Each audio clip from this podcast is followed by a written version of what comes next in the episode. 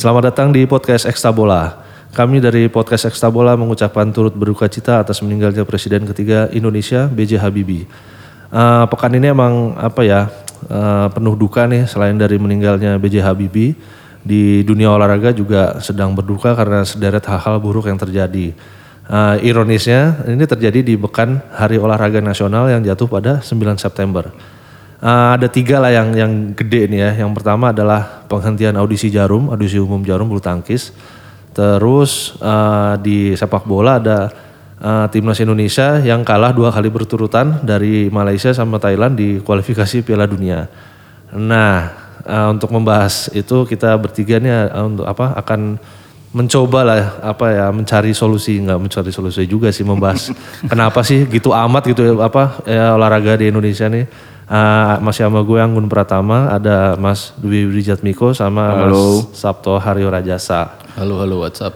ya WhatsApp, yang gede dulu deh yang heboh dulu nih soal penghentian audisi Jarum sama oleh KPAI Komisi Perlindungan Anak Indonesia Ya kita lihat duduk perkara dulu kali ya. Mungkin ada, yang, ada yang ada yang itu nggak sih kalau kalau yang gue baca sih karena audisi terpaksa dihentikan karena eh, Jarum dianggap melanggar eh, undang-undang perlindungan anak karena eh, mengeksploitasi karena Jarum itu kan identik sama rokok, nih. Rokok ya. Nah, apakah menurut kita Padahal, padahal identik dengan mesin jahit ya.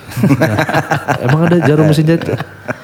Ah, angkatan lu tua banget tuh ya. Lah mesin jahit pakai apa? Pakai jarum. Oh iya. Oh iya benar juga sih lo. iya karena karena PB Jarum dianggap itu ya apa sangat identik dengan uh, Rokok, rokok. Nah menurut kita tuh gimana kita? Hmm, Aryo dulu deh kali. Yang masih berkecimpung dong. Iya. Eh, apa ya?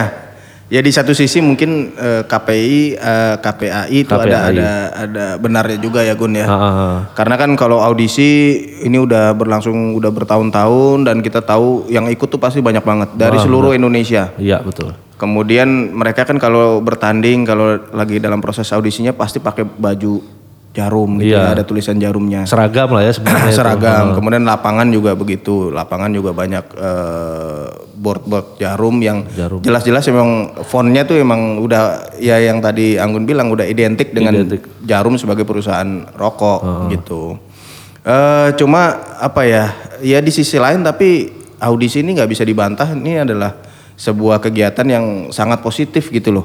Ini eh, apa namanya buat jarumnya sendiri mereka dapat apa bibit-bibit atlet Iya untuk PB Jarumnya ya PB sebagai Jarum. klub se- apa klub sepak bola klub bulu tangkis. Betul, betul. Dan kita tahu lah kalau PB Jarum ya udah berhasil, udah terbukti berkasi- berkali-kali menghasilkan eh, pebulu tangkis pebulu tangkis top gitu yang yang bisa kita andalkan jadi juara dunia, jadi ja- meraih medali emas olimpiade. Mereka tahu gitu loh. Kalau misalnya dan nanti dari proses audisi udah ketemu eh, bibit-bibitnya yang akan dibina, mereka tahu cara membinanya gimana supaya mereka menjadi atlet eh, atlet-atlet top. Kemudian eh ini audisi juga juga membuka jalan sih buat buat anak-anak Indonesia. eh mungkin apa namanya?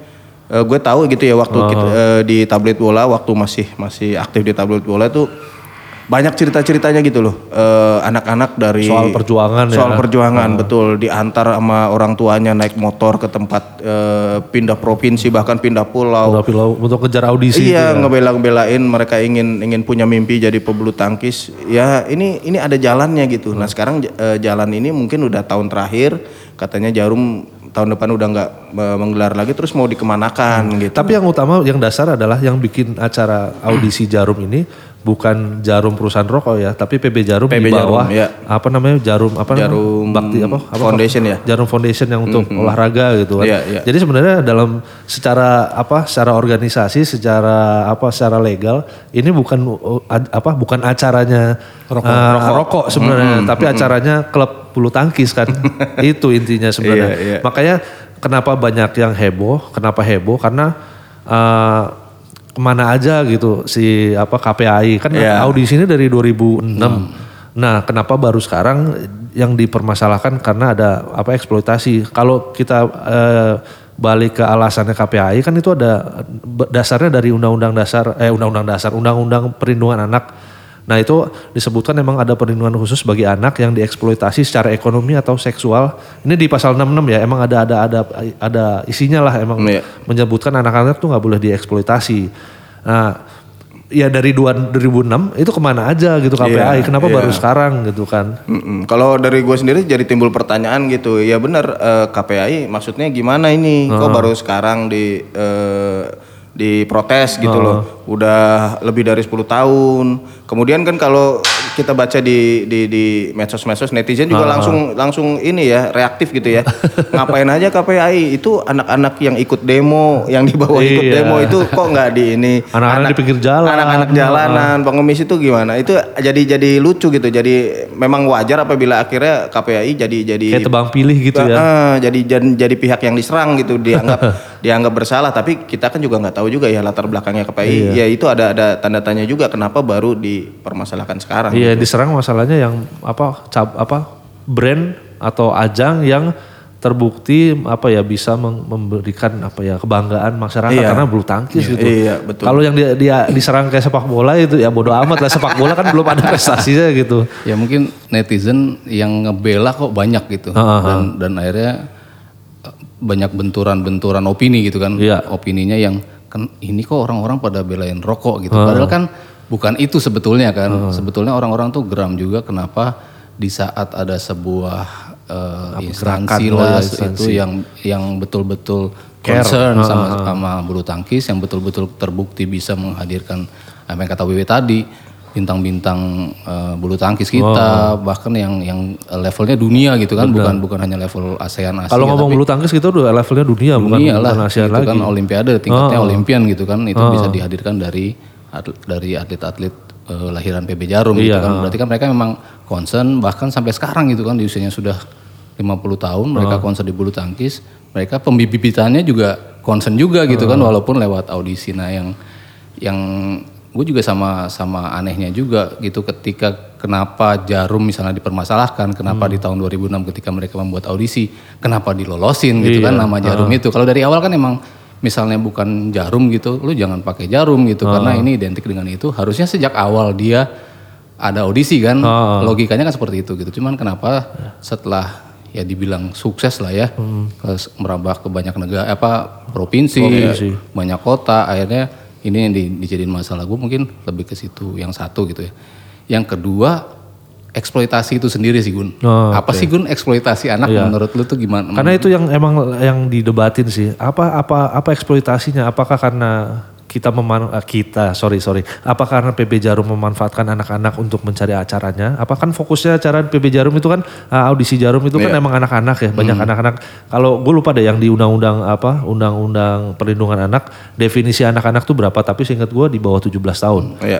jadi emang emang kan yang datang tuh banyak umur 10 tahun. Pokoknya di bawah tuh iya makanya. Emang karena yang dicari emang anak-anak muda kan, anak-anak kecil malah untuk dilatih biar menjadi seorang apa olimpian malah Makin seorang kecil- juara dunia. makin Ha. kecil dilatih makin kecil dapat bibit kan makin Makin gampang untuk dibentuk diaturnya kan gitu. enak gitu. Ha. Nah, lalu apa bedanya dengan acara-acara di TV misalnya gitu ya, kayak kayak Idola Cilik. Cilik. Idola cilik. kayak yang kayak gitu-gitu. Yang Itu idol-idol anak-anak kan juga ada. Nah iya, apakah itu bukan bentuk eksploitasi? Iya. Kalau menurut lo gimana? Kalau Karena- menurut karena- gue sih iya ya. sama gitu kan. Cuma Malah lebih gede malah duitnya iya, kan. itunya beda, ajangnya aja yang beda, bidangnya yang beda, tapi anak-anak juga yang kalau bilang jarum dimanfaatkan eh, memanfaatkan itu, ya program itu juga memanfaatkan anak-anak juga kan.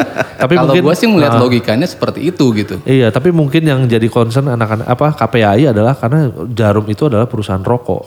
Jadi emang mungkin itu yang jadi jadi poin besar. Mungkin kalau ngomongin apa ya, apa RCTI bikin eh, Kids Idol atau Indosiar bikin Idola Cilik atau yang lain, eh, mungkin mereka melihat karena mungkin nggak ada rokok yang bermain di situ. Karena eh, kan kemarin yang diserang kan karena Jarumnya sebagai rokok kan, apa itu yang jadi jadi masalah mungkin ya. Dan rokok itu kaitannya sendiri apakah dengan anak-anak itu akan merokok atau gimana gitu kan? Hmm, di di satu sisi kan Iya. kadang-kadang ngebingungin juga gitu kan maksudnya ini bahaya ini anak-anak eh, Terpapar gitu. terpapar itu takutnya mereka ini kan ya nggak kayak gitu juga kan sebetulnya kan yang yang terjadi bukan seperti itu gitu. Hmm, nah ini debat ini mungkin nggak bakal selesai deh karena karena pasti setiap setiap orang dari PB Jarum pasti punya opini sendiri, dari KPI punya opini sendiri, dari LSM Lentera Anak punya opini sendiri, netizen apalagi yang maha benar pasti punya opini sendiri gitu. Nah yang kalau menurut gua masalah besar yang eh, di bulu tangkis ini terutama eh, apa di olahraga secara umum adalah keengganan pemerintah untuk apa ya fokus di dunia olahraga gitu. Dari dari zaman Presiden Soeharto Pak Karno ora- urusan olahraga itu kan bukan bukan prioritas gitu. Jadi akhirnya apa PB PBPB apa organisasi olahraga terpaksa untuk mencari partner di swasta, kan iya, untuk nyari pendanaan. Karena pendanaan itu ak- akan sulit karena kalau ngandelin pemerintah ya duitnya dari mana? Nggak ada. Mau bikin audisi segede apa P- apa audisi jarum ini kan gede banget. Iya. Kan susah gitu kalau kalau kita bikin kalau kan rencananya PB apa audisi ini besok uh, akan berubah format. Kayak dia jadi apa mantau scouting ke berbagai turnamen kecil-kecil. Kan susah kan Indonesia kecil banget. Kalau kalau Indonesia cuma sekecil Singapura sih uh, ya gampang. Nih Indonesia kan luas banget jadi kan emang butuh butuh butuh dana gede gitu kan. Ya kalau gua sih ya gimana ya kalau gua pengennya tuh audisi tetap ada gitu. Entah gimana caranya, entah apakah ganti nama atau ganti sponsor gitu. Kalau enggak akal-akalan kayak di TV aja wit. Hmm. Jadi bukan audisi jarum. kayak bukan empat mata Ini baru. iya, ini yang baru lagi kan bukan empat mata ada lagi, ini baru empat mata. Nah, tapi bener Kalau sih. soal penamaan ya gitu aja. Iya. Maksudnya goblok-goblokan sekalian gitu. Iya. Ya mungkin pemerintah juga bener ini, sih ini perlu, bukan audisi jarum. Perlu intervensi mempertemukan dua pihak ini dan eh, dicapai kesepakatan lah. Iya. Kalau memang memang kita mendahulukan kepentingan anak-anak, kemudian kita juga berpikir soal apa ya kebanggaan bangsa gitu loh. Ini kan udah ada bulu tangkis yang udah udah terbukti gitu loh. Iya. Bertahun-tahun berkali-kali memberikan kebanggaan ke- buat bangsa. Kemudian anak-anak kan juga perlu didorong untuk menekuni sesuatu yang mereka suka dan dan juga memberikan prestasi buat mereka gitu. Kalau memang betul berjuang untuk anak-anak kayaknya sih harusnya sih masih ada jalan lah. Masih ada jalan, jalan keluar kesepakatan bersama gitu gimana caranya.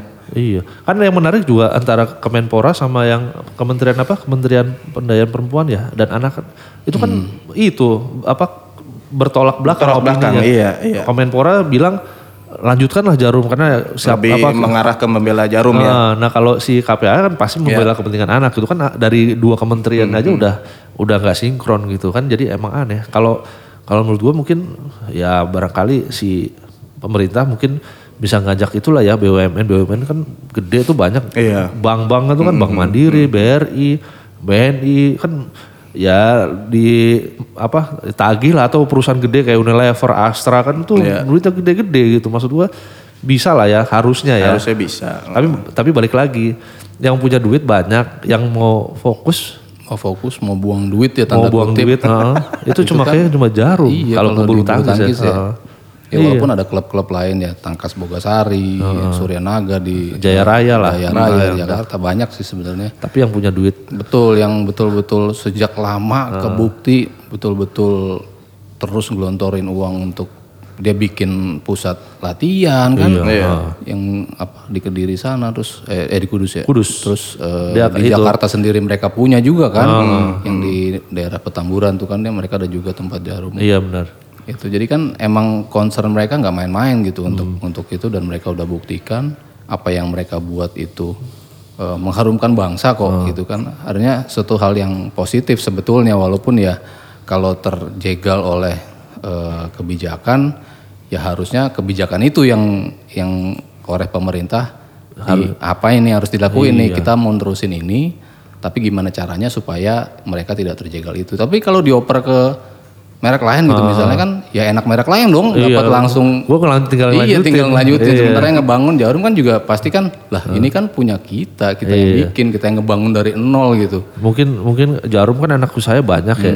Ya kalau goblok-goblokannya lagi mungkin audisi BCA audisi Kaskus audisi apa ya? Blibli.com apa? Blibli kan emang udah itu kan udah emang belakangan uh, buat bulu tangkis kan. Jadi mungkin ya kalau mau goblok-goblokan mungkin ya apa ya jalan tengah untuk kalau emang jarum peduli gitu peduli buat apa fokus ke bulu tangkis ya mungkin dia mulai rela lah ya nama jarumnya. Bisa lah. Nah, itu itu salah satu jalan tengah yang bisa dicoba Iya, gitu ya. Soalnya kalau menghentikan sama sekali itu kan nggak apa bukan Iya, solusi gitu. iya. Malah nambah masalah ya kan? Betul betul. Kasihan anak-anak malah. Iya, ntar ntar eh, mungkin dalam 5 atau 10 tahun lagi orang udah lupa cara main bulu orang Indonesia lupa cara main bulu tangkis sana nggak ada nggak ada apa nggak ada apa sosok yang dibanggakan itu kayak apa atlet-atlet bulu tangkis Iya. sekarang gitu kan. Udah, nah sekarang eh, geser ke sepak bola lagi mau dibahas sih sepak bola ini mau busuk. Aduh. udah udah nggak ja- udah udah nggak jago penontonnya rusuh ngapain ya Iya, yang kemarin ya. Iya, yang- pas lawan Malaysia. Malaysia dan Thailand. Ya kalau menurut gue sih ini apa ya satu satu kemunduran baru lah buat timnas. Oh. Kenapa kemunduran? Karena ini di dua putaran pertama eh, kualifikasi Piala Dunia eh, zona Asia ini jelas memperlihatkan Indonesia ini jangan-jangan udah jadi tim terlemah di Asia Tenggara. Kita satu-satunya yang nggak dapat sama Kamboja ya? Yang nggak dapat poin loh kita dalam di pot di pot tiga lah Wits. dalam dua pertandingan tuh satu-satunya. Ya, memang ada Myanmar juga tapi Ah. Myanmar kalahnya nggak segede eh, Indonesia gitu. Eh, dan mereka kalahnya dari Jepang tim yang Ya, udah wajar udah ya. jelas jelas memang kualitasnya di atas kita lah. Nah kita kalahnya dari sesama tim Asia Tenggara. Kemudian pelatih Simon McManamy juga bilang waktu habis kalah dari Thailand ya supporter Indonesia harus realistis lah realistis yang bagaimana maksud Ah. gua? Apakah nggak realistis berha- berharap dapat poin lah awal di partai lawan Malaysia lawan Thailand? Nggak cu- nggak usah tiga deh satu poin aja masing-masing. ya. jangan kalah di kandang sendiri deh. Iya. Itu aja kita udah nggak bisa gitu loh. Dan ini benar-benar eh, gua apa ya sedih gitu ngelihatnya ini aduh gimana tim nasional prestasinya udah nggak ada sekarang udah semakin turun bahkan kalah dari Singapura Filipina dulu kita nggak pernah nganggap Filipina Singapura sebagai, Iya. Sebagai lawan lawan lawan ya. standing Oh. tapi sekarang mereka kayaknya sudah ninggalin Indonesia gitu kita sel- selevelnya apa itu tadi gue bilang Kamboja sama Myanmar nah iya Brunei, sama Brunei. Brunei. Aduh sedih banget padahal. Sedih, sedih katanya, Katanya ad- apa kita, apa penduduk kita 220 juta, 270 juta. Iya, iya. Tapi masa nyari 11 orang aja nggak bisa. Yung sono gini ngurusin tuh. kalau lu ngebacot begitu coba cari sono. Cari yang benar bikin kompetisi yang benar, bikin Padahal yang dikit kayak Islandia aja bisa gitu. Iya. Kalau kalau goblok-goblokan lagi gitu Iya. kan. Ini dikit bisa gitu kan. Tapi ya agak ya mengejutkan sih Malaysia sebetulnya ya. Kalau lawan Thailand kayaknya gue udah eh, tapi harusnya nggak segede gitu kali skornya ya. Iya satu ya satu penalti ya banyak banyak kesalahan lah Iya. yang yang terjadi gitu. Cuman dari quality jauh emang. Kalau dari Malaysia kan nggak jauh kualitasnya. Terlihat ya kita sempat unggul, kita masih bisa ngepres walaupun di menit ter- terakhir akhirnya kelihatan keteteran gitu kan. Tapi lawan Thailand kan dari menit pertama udah keteteran kelihatan kan. Thailand tuh santai banget mainnya gitu kan, peran-peran bolanya mereka balik lagi tarik ke belakang, nggak nyampe ke depan, mundur lagi dia mereka nyaman banget lah untuk memainkan bola dan kita seolah-olah tidak tidak me- apa membiarkan Thailand untuk melakukan itu gitu. Jadi tinggal nunggu gol aja kan ketika mereka betul-betul menguasai permainan. Mungkin itu yang agak agak miris ya Kalau- kalau apa yang terjadi. Walaupun eh, padahal ya di 2018 kan kita sempat wah asik nih sepak bola kita Ah, beda banget pas nih. sama Luis Sama- kan. sama Luis Milla gitu kan waktu itu gue juga sempat bilang bahwa apa pun yang terjadi di Asian Games Luis Milla emang layak diteruskan karena kan di bawah dia tuh udah beda banget kan daya permainan fisiknya itu kita Beda ya. bisa Ya, 80 menit lah, 80 extra, menit lah. ex- enggak kita sampai extra time loh lawan lawan Uni Emirat Arab kan. Iya, iya. masih ngotot mainnya itu kan Iya. loh ini bukan Indonesia nih kok bisa kayak gini? Terus udah bisa mainin bola di lini belakang dengan tenang gitu kan. Maksudnya ketika di press dulu kan pasti hancur lah. Begitu di press bola Bang, dibuang. Oh, ini enggak. Bahkan dulu kan eh, back-back bilang kan wah kalau kipernya dulu Marcus Horizon sih begitu bola datang langsung aja minta dibuang keluar jangan kasih gua jangan kasih gua gitu kan Oh kalau gitu karena Iya, takut zaman ya. dulu kan karena Ah, takut kipernya itu sendiri. Nah ini kan beda di bawah Luis Milla tuh kelihatan banget mereka tenang, tarik ke belakang, mainin di belakang, keluar lagi ke depan, emang bisa nge-build serangan, emang bisa nyaring serangan. Semuanya tuh udah nunjukin bahwa oh kita bisa loh nih main seperti ini. Ketika akhirnya Luis Milla memang karena finansial nggak bisa diterusin Ah, karena mahal emang- soalnya gajinya. mahal. Emang ada ada ada biaya, ada rupa gitu iya, kan iya. emang mahal gitu. Cuman gue pikir awalnya Bima Sakti bisa dengan dengan Lanjutin ya. melanjutkan itu gitu ketika dia memang selalu menjadi asistennya, dia tahu betul bagaimana Mila itu memainkan bola segala Ah. macam, pemain juga respect. Loh kok di bawah dia kok nggak bisa? Gue Ah. kaget juga gitu maksud gue. Wah ini pilihan otomatis lah abis Luis Mila ya yang paling realistis ya Bima Sakti Karena gitu kan. asistennya, Karena kan. asistennya gitu. Cuman pas di pertandingan kok beda banget mainnya gitu lombol lagi kok jadi kayak gini Indonesia padahal kan harusnya kan nggak seperti itu gitu kan kalau emang terusin gitu ya. Seakan-akan nggak ada bekasnya gitu. ya. Hmm, padahal kan ya kalau ya maksudnya ngeliat yang something yang logis aja gitu kan asistennya ya harusnya selama tiga tahun bareng gitu dia tahu kan. Ada lah yang- juga tahu. Ya udahlah ikutin aja. Mila biasa ngasih apa sih? Nih gitu kan maksudnya. Iya, iya. bisa kayak gitu nih. Tapi kok beda banget Indonesia long ball lagi Indonesia Iya. mainnya di press takut lagi kok bisa hilang banget kemarin, gitu. kayak kemarin pas lawan Thailand tuh, ada faktor penonton juga sih. Begitu apa? Parah sih penonton kita, kita kita, jadi kita ngoper lagi nguasain bola nih, Iya. nguasain bola. Begitu Evan Dimas ngoper ke belakang, ayo lep- lepas depan, lempar depan, lempar depan. Dikit-dikit le- akhirnya jadi buru-buru kan, buru-buru kan. Ya akhirnya ya apa cara main kayak uh, dia Luis jadi jadi hilang kan.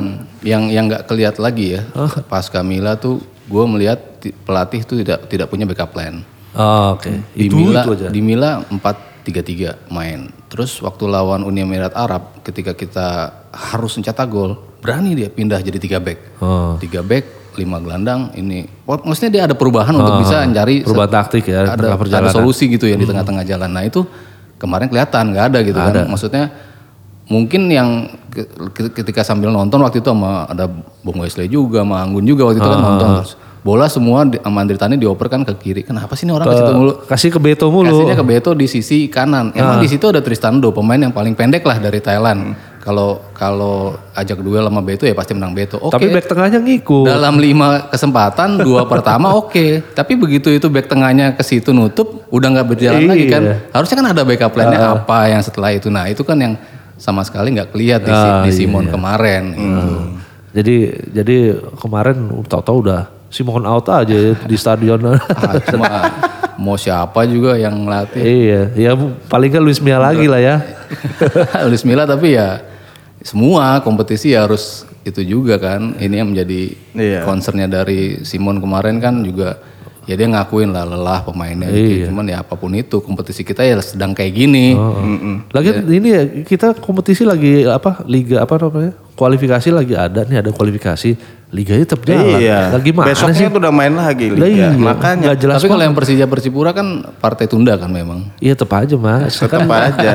di di di negara jauh. lain sih berhenti. Karena jauh sih Persija kan ketinggalan 4 match tuh. Ah. Emang mau nggak mau emang harus dikejar kalau kasusnya pertandingan kemarin Persija ya. ya tetap ya balik lagi aja yang bikin jadwal siapa sih PSSI ngapain gitu PT Liga juga ngapain bikin jadwal Iya, iya, ngaco-ngaco. iya. Ya karena mungkin di kompetisi kita udah di awal kan diundur sampai dua kali gitu Iya. ya. Karena memang masalah sponsor belum dapat gitu. ya ya mungkin itu juga juga pengaruh. sama yang rusak Piala Indonesia kan waktu Iya. itu kan belum selesai jadi kan mereka Akhirnya harus mundur, iya, kedorong semua, dan benar. kebetulan Persija main di situ jadi dia main waduh harus Piala Indonesia tunda masuk lagi dia final Piala Indonesia tunda, Tunda lagi, Ya. itu yang bikin bikin Kalau misalnya udah benar gitu ya kompetisi kita benar sejalan dengan agenda tim nasional, itu nggak ada aturan yang melarang eh, berapa empat pemain ke tim nasional itu nggak usah ada. iya. Klub malah seneng kalau kalau dipanggil ke timnas, pemainnya dapat pengalaman berjumpa pemain internasional. Iya. Kemudian mereka yakin rugi lah ya. eh, waktu recovery juga juga cukup gitu dari setelah mereka kembali untuk menghadapi partai liga berikutnya. Itu kan aturan itu dibuat karena memang udah udah nggak benar, jadwalnya emang nggak benar.